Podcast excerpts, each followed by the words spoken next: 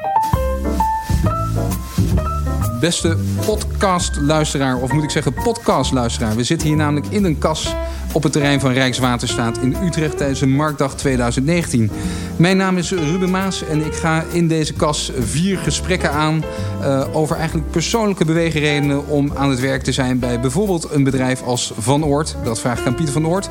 Of aan Michelle Blom, waarom zij nou eigenlijk directeur-generaal is geworden van Rijkswaterstaat. Het zijn vier podcasts in het totaal en ze zijn alle vier om te luisteren. Uh, en mijn eerste gesprek is met Pieter van Oort, CEO van Van Oort. Uh, niet toevallig dezelfde naam. Familiebedrijf. Al jaren. Wat doet dat met je als je in een familiebedrijf werkt? Sterk nog, als je daar leiding aan geeft. Voel je de generaties meekijken?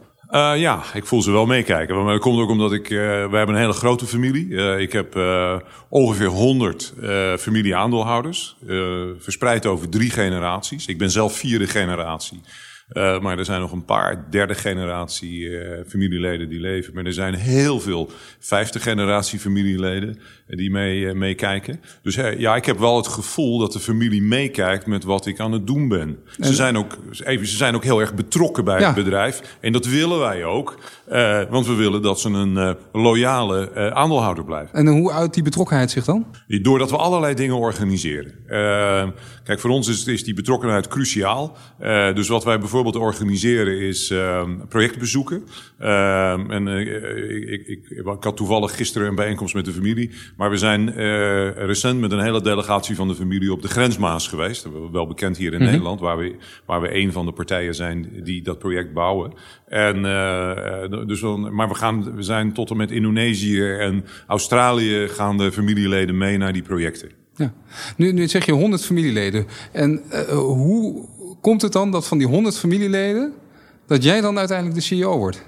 Ja, uh, kijk, uiteindelijk uh, zijn we uh, als familie heel kritisch naar de familie toe wie er in het bedrijf gaat werken. En we willen toch mensen in het bedrijf hebben, enerzijds op competenties en anderzijds ehm, op passie. Uh, dus je moet echt wel passie voor het bedrijf hebben. Uh, en je moet ook competent zijn. Nou, um, even heel ik, ik ben na mijn studie uh, voor een beursgenoteerde onderneming gaan werken. Daar heb ik zes jaar voor gewerkt. En, van Ommeren was Van Ommeren, ja. ja, ja in, in, het, in, in tegenwoordig Vopak. En na uh, een jaar of zes uh, kwam de familie langs en die zei: Zou jij voor dit bedrijf willen gaan werken? Want we denken dat jij daar een rol in kan gaan spelen. Nou, dat betekent dat ik begonnen ben, maar ik ben ook gewoon beneden, ik zou maar zeggen in de kelder, begonnen. en ik heb ook mijn weg naar boven gewoon moeten ja. werken. Ja, is dat inderdaad echt zo? Want dat hoor je natuurlijk wel zo familiebedrijven, dat dan eigenlijk bijna om te voorkomen dat het beeld ontstaat dat je, omdat je van de familie bent, dat je een beetje win mee hebt, ja. dat het extra zwaar is. Dat je Ja. extra meer je best moet doen om te laten zien dat je het de rechte plek krijgt. Nou, dat, dat geldt zeker binnen onze familie. Ja? Ja, Want. Hoe, is dat, uh, hoe was dat bij jou? Nou, kijk, er zijn altijd, uh, de spotlights zijn altijd op je. Er wordt altijd sterk naar je gekeken. Veel meer dan, uh, dan een gewone werknemer. En eh, kijk, als je een fout maakt, dan wordt die fout ook uitvergroot. Hm. Uh, daar moet je je ook bewust van zijn. Hè? Uh, je bent per definitie, zou ik maar zeggen, in zo'n heel groot familiebedrijf een beetje verdacht. Uh, want uh, er zijn natuurlijk best mensen die denken van... ja, weet je, die jongen die zit daar alleen maar uh, vanwege zijn achternaam. Ja. en, en hij zal wel incompetent zijn. dus ja, dat begrijp ik ook wel. Dus, dus je, ja, nou, Je moet je extra bewijzen. denk ja, dus die druk die is er wel. Maar aan de andere kant, weet je, als je jezelf bent... dan kom je op een gegeven moment... Dan, dan zien mensen ook wel wat je kan en niet Maar ik bedoel ook andersom eigenlijk, dat juist als familie, je, eh, je hoorde wel eens van, eh, wij spreken een, een, een vader die strenger is voor zijn zoon, omdat hij Ja. eh, zegt van, hè, je, je moet het echt het vak leren. Ga jij maar eens eerst een tijdje in de keuken werken Ja. voordat je überhaupt verder mag komen. Heb jij dat ook gehad? Dat je ja, echt, echt het hele proces moest doorlopen, het hele bedrijf leren kennen? Ja, ja, ik heb dus zeker toen ik over de, de overstap maakte van Van Ommeren naar Van, naar, naar van Oort, eh, ging ik, ik zal maar zeggen, eh, drie stappen naar beneden. Ik had veel beter bij Van Ommeren kunnen blijven, want eh, eh, daar had ik een hele mooie baan in Amerika. En ik kwam uit Amerika terug eh, naar, eh, naar, eh, naar, eh, naar Nederland toe. En, eh, dus ik ben gewoon, eh, ja, ik, ik ben op de juridische afdeling van Van Oort begonnen met het eh, lezen van bouwcontracten. Ja. Eh, en, eh, en, en, en eh, dat heb ik gewoon het eerste jaar gedaan. Wel toen al wel in de gedachte... en uiteindelijk leidt dat tot Nee. het leidinggeven van het bedrijf. Nee, nee, nee, nee, nee, nee, nee, nee. nee want ik, eh, ik heb op dit moment zeven eh, andere familieleden die ook in het bedrijf werken. En Ja. er is geen wetmatigheid of een vanzelfsprekendheid eh, dat je automatisch directeur wordt in deze onderneming. Dat word je niet. Weet je, dat, we kijken gewoon eh, in die, nou laat ik nou maar zeggen, twintig jaar eh, eh, tussen eh, dat, je, dat je binnenkomt en, en, en dat je aan je eindfunctie bent, wat je eindfunctie ongeveer zal worden. En, en, en ik benadruk dat echt niet per se ligt die eindfunctie op een directiefunctie. Ik heb dus ook een aantal neven van mij ah, die, die op andere eindfuncties zullen eindigen dan directiefuncties. Belangrijk is wel dat dat wat ze doen, dat, dat de mensen in hun omgeving zeggen, nou weet je, dat, de- die jongens die zijn hartstikke goed. Eh, en wat ook belangrijk is, is dat ze een ambassadeur blijven voor de familie in het bedrijf. Ze moeten dat wel met passie doen. Ik, ik probeer trouwens een beeld van te vormen. Eh, Of je, heb je nog iets van een soort eh, gemeenschappelijke Sinterklaasviering of zo? Bestaat er ook iets van eh, met elkaar praten over bedrijf via Sinterklaasgedichten? Nou, niet Sinterklaasgedichten, maar we hebben heel veel gemeenschappelijks. Ja. We hebben, eh, kijk, wij zijn, wij zijn als, eh, als onderneming, eh, we hebben een hele eh, professionele governance. Ja, En we hebben binnen de familie een familievereniging. oké. En je kan lid worden bij, voor een familievereniging, moet je een tientje betalen. Eh, dus toch een beetje Ja, tonen. precies. Ja, even een drempel. Ja, en interessant is, van de familievereniging Ja. kunnen ook de mensen lid worden die geen aandeelhouder zijn. Oké. Eh, dus de aangetrouwde kant is geen aandeelhouder, maar die is wel relevant in de familie. Ja. Eh, eh, dus we hebben ongeveer 150 familieleden die lid zijn van die familievereniging. En met die familievereniging gaan we elke twee jaar doen we een weekend ergens in een hotel in het land. En dan hebben we buitenactiviteiten. Ja. En dan, nou, weet je, dan doen we van alles en nog wat. Eh, dus eh, mountainbiken, en you name it. En dat soort, dat soort dingen. Ja, ik, ik hoopte eigenlijk nog een beetje op filijnen Sinterklaasgedichten. Vandaar mijn vraag natuurlijk. Dat Ja, maar je die dan- Vilijnen Sinterklaasgedichten, die krijg ik gewoon in mijn eigen gezin. in je eigen gezin, dat Ja, is al voldoende. eigen Ja, gezin, ja, precies. Maar Oké, die gaat nou, altijd over hetzelfde onderwerp en dat ik veel te hard werk. Oké, ja, precies. Ja. Da- da- daarover gesproken trouwens, want heb je, eh, eh, heb je daar een voorbeeld eigenlijk voor jezelf? Als je, als je nadenkt over het vormgeven van je werk, misschien ook juist wel in die werk- en privébalans, of over hoe je graag je werk wil vormgeven, of wat voor leidinggever je wil zijn. Heb je daar een voorbeeld? Nou, echt. Of mensen die je bewondert, dat je denkt, van, hoe die dat aanpakken, dat vind ik nou mooi. Eh, ja, je, kijk, je kijkt altijd. eh, kijk, ik, ik, er zijn, je hebt, ik heb in mijn leven natuurlijk meerdere voorbeelden. En een van de aspecten die ik toch eh, noem, kijk, een van mijn voorbeelden is mijn vader. Eh, die is 85, die leeft nog steeds. En wat wij van huis uit hebben meegekregen is eh, dat je naast je werkt, werk, als je bestuurlijke kwaliteiten hebt, eh, ook eh, maatschappelijk actief bent. Ja. En dat is bijvoorbeeld, dus mijn vader is altijd maatschappelijk actief geweest naast zijn werk. En ik ben zelf op dit moment eh, ook maatschappelijk actief. En, en hoe uitzicht dat? Nou, ik doe, ik doe, ik doe eh, een aantal. Ik zit bijvoorbeeld. ik ben voorzitter van de branchevereniging van de olie- en gasaannemers. Eh, ik zit in de raad van toezicht eh, van de Hoge Veluwe. Eh, Ik probeer in Rotterdam. eh, ik zit in, in, in, in, de, in de raad van toezicht van het Scheepvaart- en Transportcollege. Dus een grote HBO-MBO-instelling. Eh, ik, ik, ik probeer in Rotterdam ook nog een bijdrage te leveren aan de bouw van het nieuwe Feyenoordstadion, waar Kijk, ik commissaris hier, ben. Dus Ja. ik, ik heb een hele lijst aan dingen waarbij Ja. ik maatschappelijk actief ben. Ja. Ja. wat je volgens mij trouwens ook tot de titel Havenman van het jaar... er zit misschien ook wel dat maatschappelijk ook wel een beetje Ja, in. ja, ja. ja, Dat was vorig jaar volgens mij, toch? dat klopt, ja. Ja. 2017, 2018, Ja, ja. ja. ik ben eh, de, huidige havenman eh, eh, is, is, is benoemd per 1 januari en ik was de vorige, de Ja. vorige, de vorige havenman. Ja, en dat was ook mede door dat maatschappelijke... eh, ja, dat maatschappelijk actief zijn? Of was dat echt gerelateerd Nou. echt gewoon aan het bedrijf? Dat had meer te maken met eh, de rol die Van Oort heel prominent speelt in de energietransitie. En eh, eh, Rotterdam probeert zich natuurlijk toch eh, voor te stellen hoe ziet Rotterdam eruit eh, eh, nadat er geen, geen fossiele energie meer bestaat. Eh, en, en wij zijn eh, de eh, marktleider in Nederland met betrekking tot de bouw van eh, windmolenparken op zee.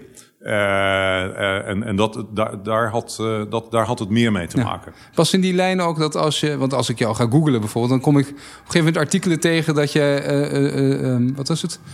Sympathisant van Jesse Klaver. Zoiets kwam ik tegen, toch?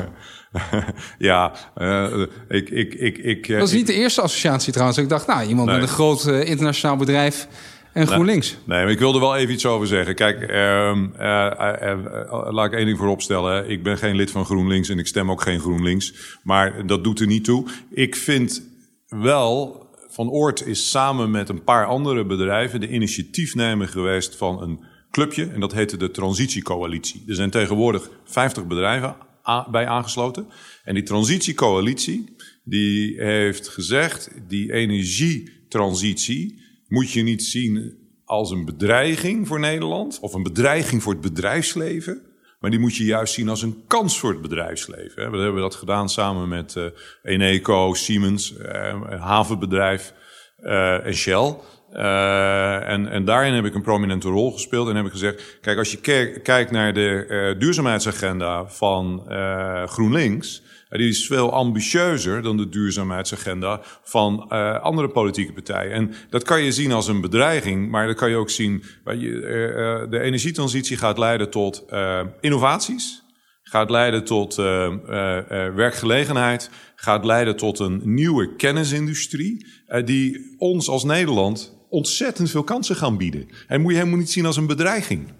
Dat is interessant, want ik, ik had nog als vraag bedacht voor jou: van, ja, ben je nou een optimist of een pessimist? Maar eigenlijk zeg je hierin: ik ben een optimist, want juist in die transitie zitten enorm veel kansen. Er zijn natuurlijk mensen die eigenlijk denken: ja, elk moment kan het water aan mijn knieën staan. Ja. Dit gaat helemaal niet goed. Ja. Nou, ik ben, ik ben eh, kijk, eh, als je aan, aan, de mensen om mij heen vraagt wat ze van mij vinden, eh, dan zal je altijd horen dat iedereen mij een geweldige optimist vindt. Ik ben typisch iemand waar het glas altijd half vol is, maar anders was ik ook geen ondernemer geworden. Ja, Dus ik ben ook in, op dit terrein met betrekking tot die energietransitie, ben, ik een, ben ik een grote optimist. Er wordt aan de kas geklopt, om maar even zo te zeggen, want we zitten hier in de kas. Michel de Blom is erbij. Um, directeur-generaal Rijkswaterstaat. Welkom. Dankjewel. Ja, je komt op een mooi moment binnenstappen. We hebben net over of je nou optimist of pessimist bent. Ik? Nou, nee, we hadden niet direct nog over jou, maar dat kan wel. Die vraag kan ik nu ook aan jou stellen. Want nou, we hadden het over de energietransitie. Ja. En waarvan Pieter zegt, ja, dat, biedt enorm veel kansen, uh, ook voor kennis. En, en, dat, en, en dat leidde eigenlijk tot de vraag: ben je nou eigenlijk een optimist of een pessimist in het leven in het algemeen? En dit kwam dan even specifiek op de transitie uit. Hoe is dat bij jou eigenlijk? Nou, ik ben een enorme optimist en daarom ben ik ambtenaar. Kijk, want? Ik hoorde Pieter net zeggen, ik ben een optimist en daarom ben, ik ondernemer. ondernemer. Ja, ja, precies. Kijk, ja. ik zeg, ja, ik ben een optimist en daarom ben ik uh, ambtenaar. Ik denk echt dat de energietransitie uh, een enorme uh, gamechanger gaat worden. En ook in ons domein. Ja, maar ja, dat, dat is zeg maar, ook als gamechanger kan je dus ook al pessimistisch ervaren. Want dan kan je ook zeggen, ja, dit gaat alles in beweging zetten en uh, we weten helemaal niet of we het allemaal nog wel voor elkaar krijgen. Ja, maar weet je, ik ben ook realist. Als je denkt dat je dit soort uh, ontwikkelingen tegen kunt houden, hè, dan ben je niet realistisch. En het gaat gewoon gebeuren. En ik zie er enorm veel kansen in. Hè, als ik kijk naar de opdracht die we hebben als Rijkswaterstaat, maar ook voor de markt, om gewoon nieuwe producten en diensten daardoor te ontwikkelen. Nee. En ook waardoor het voor de mensen die bij ons werken, het ook leuk is en interessant is en uh, Weet je, dat je daar veel energie, letterlijk veel energie van krijgt om aan dat werk mee te doen. Ja. We hadden het net over, over uh, de les die eigenlijk jouw vader heeft meegegeven, Pieter. Dus het, het ook de, de, maatschappelijke betrokkenheid. En dat is wel interessant natuurlijk. Want je, uh, in Michel, je bent ambtenaar in, in, publieke dienst. Daar ga je uit van maatschappelijke betrokkenheid. En daarnaast hebben we een van de grootste ondernemers van Nederland... die zegt ook die maatschappelijke betrokkenheid. Is dat iets wat jullie allebei toezien nemen of, of meer in je omgeving ziet. Die, die maatschappelijke betrokkenheid bij ondernemers. Het valt mij namelijk op dat je daar ja, wat vaker weer over hoort. En niet vanuit maatschappelijk verantwoord ondernemen, niet uit marketinggedachten, mm maar vanuit intrinsieke motivatie. Herken je dat? Nou, ik, kijk, ik wilde wel iets over zeggen. Hè. Kijk, er, er is recent natuurlijk een pleidooi gedaan door uh, uh, Siebesma van DSM uh, aan ondernemingen, en met name beursgenoteerde ondernemingen, uh, om gewoon op een kistje te gaan staan. En leg maar uit wat je doet in deze samenleving. Leg maar uit wat jouw onderneming betekent voor deze samenleving. Hè? Werkgelegenheid, innovatie, maar ook eh, wat is je CO2-footprint uh, en ook betaal je belasting en al, al die gevoelige thema's. En um, um, ik denk dat hier wel degelijk een ontwikkeling gaande is waarbij um, er in het verleden toch wel heel veel CEO's waren die liever onder het maaiveld werkte. En dat je gewoon moet concluderen dat, dat de samenleving dat niet meer accepteert. Dus, ehm, en, Maar dan is het nog vanaf buiten. En, en ik ben op zoek eh, eh, hoe ver dat intrinsiek. Want zoals je het net zelf uitlegde, gaf je ook aan... dat zijn Ja. mijn eigen normen en waarden die ik mee heb ja, gekregen. van huis uit. Ja, Ja, ja, ja maar zie je dat meer om je heen? Nou, bij de ene wel, bij de ander niet. Eh, de ene die, die ziet zijn baan puur als het runnen van een onderneming. En de ander zegt, ja, maar kijk, ik zeg ook wel eens tegen Michel... weet je, ik ben, ik ben ook nog gewoon burger in dit land. Ik betaal ook gewoon belasting. En weet je, ik heb ook nog even een mening over of dit land op een goede manier bestuurd wordt. Ja. Eh, dus ik heb ook een mening over wat jij doet. Ja. en niet omdat ik nou bij Van Noort de CEO ben, hè. Even voor de luisteraars thuis. Eh, Pieter kijkt Michel nu indringend aan. Ja, precies. Hè, dat, dat zien ze niet. Maar, ja. Nee, maar dat is interessant natuurlijk. Dat je met elkaar toch werkt aan Nederland. Eh, albei vanuit een, eh, een eigen rol. Ja. Is er, tot slot trouwens, Pieter. Want dan, dan laten we dan doorschuiven. Dan ga ik doorpraten met Michelle. Als je nou deze baan niet had gehad. Ja. Sterker nog, je was... eh, Elke familie kent wel zijn, eh, zijn eh, vreemde eenden, om maar even zo te zeggen. Ehm, stel nou dat je iets heel anders had mogen gaan doen. Wat Ja. had je dan gedaan? Nou, eh, dat is, daar heb ik wel. ik, ik, als je nou zegt van welke werelden vind je interessant? Nou, ik vraag eigenlijk wat zou je anders hebben gedaan? Welke, welke baan? Welke baan? Welke baan zou ik Ja, dan, Waar had je willen werken? Ehm, ik had, eh, denk ik, best wel eh, graag willen werken in de wereld van energie. Ehm, en ik heb ook wel eens eh, gedacht. Dan kon je al dicht in de buurt nu langzaam natuurlijk. ja, ja, maar, maar, maar goed, ja, goed. En ehm, eh, eh, politiek. Ja? Ja, want ik ben wel politiek eh, geëngageerd. En, weet je, ik, heb, ik ben typisch iemand. Ik heb over, over, over het algemeen ben ik wel, heb ik wel een mening over dingen. Ja. En ik ben toch wel betrokken bij het wel en wee van dit land. Oké. Ja. En, en, en eh, dat kan altijd nog natuurlijk. Hè? Ja. Dat is, eh, heb je politieke ambities nog? Nee. Nee hoor, nee, nee. Maar, en waarom niet? Omdat, nou even stik gesproken, ik heb op dit moment eh, aan mijn familie beloofd om voorlopig nog even door te gaan met deze familieonderneming. Oké. En, en die heeft het al moeilijk genoeg door Ja. allerlei eh, issues in de samenleving, eh, waar onder andere Michel eh, meer van weet. Oh, oké. Ja? Kijk, dat wordt alleen maar spannend. Overigens is het al bijna een goed politiek antwoord. Dus in die zin is het alweer heel goed. Ja, ja, goed- ja. Pieter van Noord, heel veel dank. Graag Dankjewel. gedaan. Graag gedaan. Dit gesprek was met eh, Pieter van Oort, CEO van Van Oort. Ehm, en is onderdeel van een reeks podcasts die we vandaag hebben opgenomen op de Marktdag van Rijkswaterstaat. Eh, u kunt ook eh, luisteren naar de podcast met Edwin Lokkerbol, directeur Vereniging van Waterbouwers. Of de podcast met Michel Leblon, direc- directeur-generaal van Rijkswaterstaat. Of misschien wel de podcast met start-up co-founder Ratio Computer Aided Systems Engineering, Tim Wilschut. Mijn naam is Ruben Maas. Bedankt voor het luisteren.